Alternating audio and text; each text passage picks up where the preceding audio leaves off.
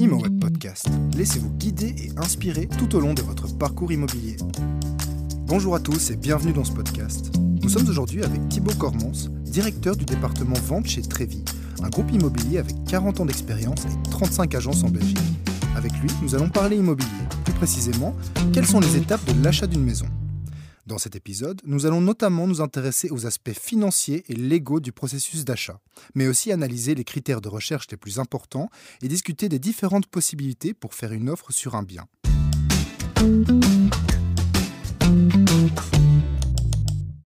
Bonjour Monsieur Cormons. Bonjour. Alors nous allons parler aujourd'hui de l'achat d'un bien immobilier. Alors si je veux acheter une maison concrètement, euh, par où commencer? Quelle est la première étape? Alors je pense que très clairement, la première étape euh, aujourd'hui est de, définir un budget. Euh, étant donné qu'on est dans un marché qui est euh, super réactif, euh, on pourrait se dire que bah, effectivement à l'époque on n'avait pas encore trop été voir les banques, on ne savait pas trop vers où se diriger, on voulait plutôt rechercher le bien de nos rêves, donc on savait que c'était une maison avec un grand terrain, mais le prix n'était pas encore trop défini. au jour d'aujourd'hui, il est clairement important de déjà aller voir sa banque pour savoir ben, combien est-ce qu'on peut emprunter. Euh, et en fonction de ça, c'est définir ben, euh, des critères de recherche et de euh, trouver le bien qui, clairement, qui correspond à son budget. Alors un autre point important, lorsqu'on voit les, prix des annonces, finalement, le prix demandé, ce n'est jamais égal au prix total. Est-ce que vous pouvez expliquer un peu la différence? Est-ce qu'il faut prévoir en plus? Alors, euh, oui, donc euh, le, prix d'annonce, effectivement, est le prix demandé pour, euh, pour une maison ou pour un appartement. maintenant, le budget total, effectivement, il faut compter les frais de notaire, les droits d'enregistrement, différents petits frais en plus à gauche, à droite, si jamais on doit faire appel à, par exemple, une expertise de la banque qui, qui, voilà, qui va vous facturer cela 250 euros, grosso modo. donc, quand on prend le budget en fait euh, initial, donc achat maison appartement, en général on rajoute 13% du budget. Voilà, ces 13% vont être donc les frais euh, supplémentaires euh, à devoir payer. Alors vous avez parlé de droits d'enregistrement. Ils s'élèvent de combien en région bruxelloise et en Wallonie? Pour la région bruxelloise, on a donc des, des droits d'enregistrement de 12,5% euh, sur le prix euh, de l'achat. Euh, et en Wallonie, c'est également 12,5% de droits d'enregistrement. Maintenant, il y a des petites spécificités entre Bruxelles et Wallonie, c'est-à-dire qu'on a droit à, par exemple, un abattement si c'est notre premier achat. bon, il y a quelques conditions à respecter. Alors, par exemple, pour Bruxelles, ça doit être notre premier achat. c'est un bien qui doit ne pas excéder 5 500 000 euros. Euh, donc 500 000 euros et 1 cent, bah, c'est pas bon. Euh, et il faut également remplir d'autres conditions, c'est-à-dire il faut se domicilier dans le bien en déant les deux ans euh, de la signature de l'acte authentique et il faut rester y domicilié pendant cinq années consécutives. cet abattement, mine de rien, est quand même un euh, je vais dire, euh, un gain pour l'acquéreur de 21 875 euros. Euh, et donc, en fait, ça équivaut à ne pas payer les 12,5% sur les 175 000 premiers euros du bien acheté. Euh, donc voilà, ça c'est pour Bruxelles. Alors pour la Wallonie, c'est un petit peu différent. Euh, là, on va également avoir donc 12,5% de droits d'enregistrement. Cependant, on va avoir un abattement sur la première tranche de 20 000 euros. On ne payera pas les 12,5%, ce qui équivaut à 2500 euros. Euh, par la suite, on a encore la possibilité d'obtenir un taux réduit. Ce taux réduit va donc être de 5 ou 6% euh, en cas d'habitation modeste. Alors, qu'est-ce qu'une habitation modeste? Euh, C'est une habitation dont le revenu cadastral ne dépassera pas 745 euros pour pouvoir bénéficier de nouveau de cet abattement, il faut donc euh, être euh, ben, acheté en personne physique. Euh, il faut avoir la pleine propriété du bien qu'on va acheter. Là, de nouveau, c'est notre premier bien. Il ne faut pas déjà être propriétaire d'un autre bien. et il faut se domicilier dans le bien pendant, ici ça change, c'est pas 5 ans, mais c'est 3 ans. Ben c'est bon à savoir en tout cas. Et une fois que j'ai défini maintenant euh, mon budget, eh ben, je vais me mettre à la recherche euh, de la maison de mes rêves. Et finalement, quels critères sont les premiers critères que je devrais prendre en compte dans ma recherche? Ça dépend un petit peu de chacun. maintenant, la, majorité des candidats acquéreurs vont vous dire la localisation. Il y a une, règle d'or euh, en immobilier, c'est la règle des 3 L. Et donc, c'est location, location, location. Euh, maintenant, on a vu pendant le Covid que ça pouvait un petit peu changer. C'est-à-dire que ben, les couples qui euh, voulaient absolument un appartement dans une commune bien précise, ben, après Covid ou pendant Covid, on a vu que ben, effectivement, les maisons avec jardin primaient et que les gens avaient besoin d'un extérieur. Et donc, ce, cette location, location, location, au final, n'était pas spécialement trop respectée. C'est-à-dire qu'il bah, y avait plein de, euh, effectivement, plein d'acquéreurs qui, euh, cherchaient euh, une maison avec jardin avant tout par rapport à la localisation. Et avec ces problèmes de mobilité, est-ce que finalement l'accessibilité devient un point de plus en plus important pour les candidats acquéreurs? Alors je pense que clairement ça joue, euh, dans la balance. C'est-à-dire que, ben, prenons le cas par exemple d'un jeune couple sans enfant, je pense que euh, ça va plus être pour eux la localisation avant tout euh, que la mobilité. Euh, maintenant, je pense plutôt à une famille avec enfants euh, qui doivent effectivement euh, apporter leurs enfants à la crèche ou à l'école. Ben, effectivement, si, si c'est trop loin du domicile, si le bureau également est, est trop loin du, domicile, cela va poser un petit problème et donc fatalement, ce sera moins intéressant ben, d'habiter trop loin des centres, des centres d'intérêt. Surtout la mobilité aujourd'hui a quand même un grand rôle euh, dans, la société. Et, clairement, euh, on, voit qu'il y a des, des, villes euh, qui sont peu desservies et qui, dont ça porte préjudice aux, candidats acquéreurs. je pense notamment à Uccle. Uccle n'est pas une des villes les mieux desservies en termes de, de transport en commun. donc, effectivement, dans ce cas-ci, j'ai plusieurs candidats acquéreurs qui me disent déjà, ben, on exclut Uccle, étant donné que, ben, bêtement, il n'y a, pas de, a pas de métro qui arrive jusque-là, ou alors les transports sont, assez euh, catastrophiques euh, pour aller jusque-là. Alors on l'a bien compris, c'est la localisation qui doit être le premier critère à prendre en compte. Mais il y a d'autres critères qui sont importants, hein, euh, le, nombre de chambres, la surface. Pouvez-vous nous en dire plus? Oui, alors effectivement, euh, quand, on, quand on recherche un bien, ben, chacun a un peu son, son, la maison ou l'appartement de ses rêves en tête. Euh, maintenant, moi, ce que je peux donner comme conseil aux candidats acquéreurs, quand ils, euh, quand ils donnent leurs critères de recherche à un agent immobilier ou, à une agence euh, pour qu'ils recherchent un bien pour eux, euh, je, je, resterai un petit peu vague dans certains points. C'est-à-dire qu'à partir du moment où on cherche par exemple une maison et qu'on a trois communes en tête, mais que de base on cherche vraiment une maison avec par exemple quatre chambres, euh, je pense que le fait de, donner quatre chambres euh, réduit très, largement le scope de pouvoir rechercher une maison dans cette commune qui, qui a quatre chambres, où vous allez peut-être demander également un jardin de autant d'art et peut-être un garage. Je veux dire, la recherche va être euh, très très très très petite, très très faible, alors que peut-être que si vous n'aviez pas donné le nombre de euh, chambres euh, ou que ben, le garage finalement euh, on peut s'en passer étant donné que dans la rue ben, il y a énormément de places de parking, ben, on aurait peut-être trouvé la maison de vos rêves qui finalement faisait peut-être 300 mètres carrés, n'a que deux chambres, mais qui serait potentiellement facilement transformable en quatre chambres. Donc si on résume, mieux vaut ne pas être trop précis pour, pouvoir trouver le bien euh, relativement rapidement. Voilà, exactement. Moi, ce que je préconise, c'est vraiment donner la localisation, les communes où on a envie d'y être. Euh, et ensuite, euh, bah, effectivement, si on cherche un appartement ou une maison, et alors donner des, grandes lignes de conduite en disant, ben voilà, je cherche 200 mètres carrés, ou alors vraiment, je cherche trois chambres. mais il faut rester vague. On ne peut pas dire, je cherche trois chambres et autant de mètres carrés. Pour moi, il faut vraiment, c'est l'un ou l'autre. Alors on va s'attarder un peu sur ce, document, le PEB, donc qui donne un score énergétique.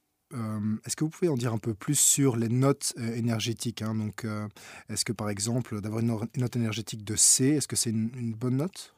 Clairement, ici, le, PEB en fait va de A à G, euh, A étant très économique et G étant très énergivore. Euh, comment cela se calcule? On, calcule euh, cela en, kilowattheure, par mètre carré par an. la moyenne à Bruxelles étant entre D et E.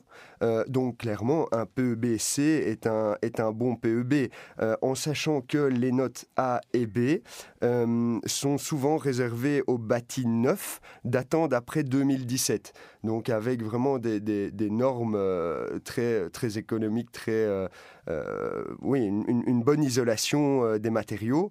donc voilà, tout ce qui se passe après euh, B, donc je vais dire entre B et, E, est la moyenne et, euh, c'est un bon score PEB.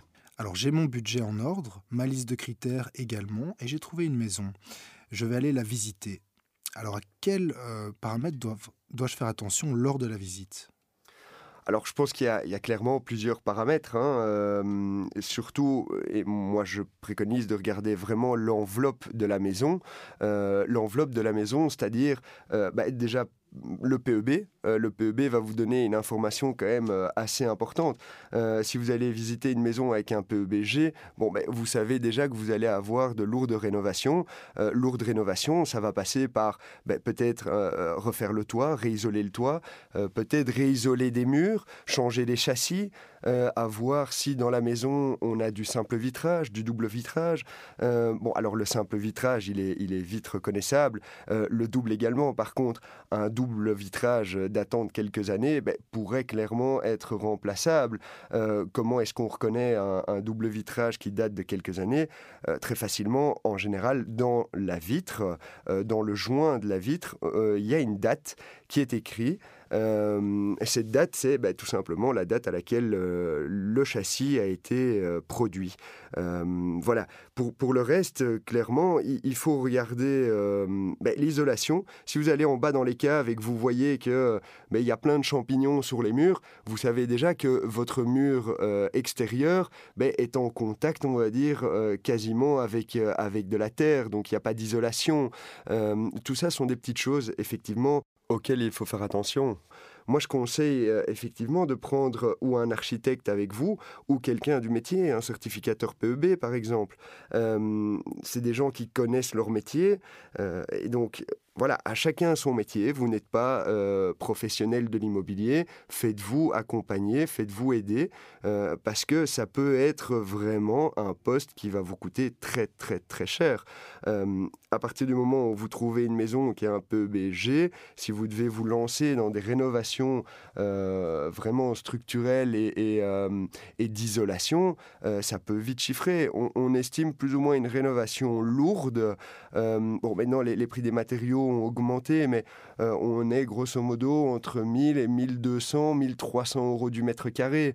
Euh, alors que si on prenait par exemple une maison euh, avec un PEB, je vais dire on va être un PEB E, mais clairement, on va pouvoir améliorer ce score PEB en peut-être changeant ne fût-ce que le système de chauffage euh, ou juste les châssis. Euh, voilà, ça c'est quelque chose clairement euh, qu'il faut bien prendre en compte et qui peut être vraiment un gros gouffre financier. est-ce que finalement, toutes les habitations ne devraient pas atteindre un label A, voire B, dans les 5 à 10 années à venir? Il y a effectivement euh, quelque chose qui est occupé à être euh, mis en place.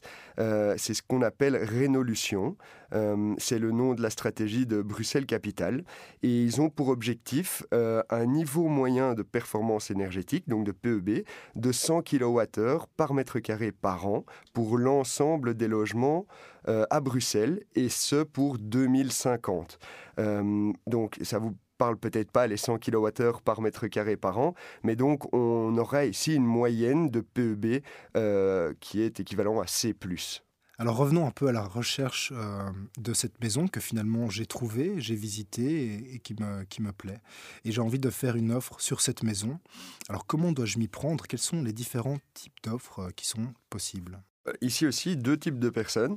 Euh, certaines personnes auront déjà été voir le notaire euh, préalablement et auront euh, le document type que le notaire aura préalablement rempli, et d'autres n'en auront pas.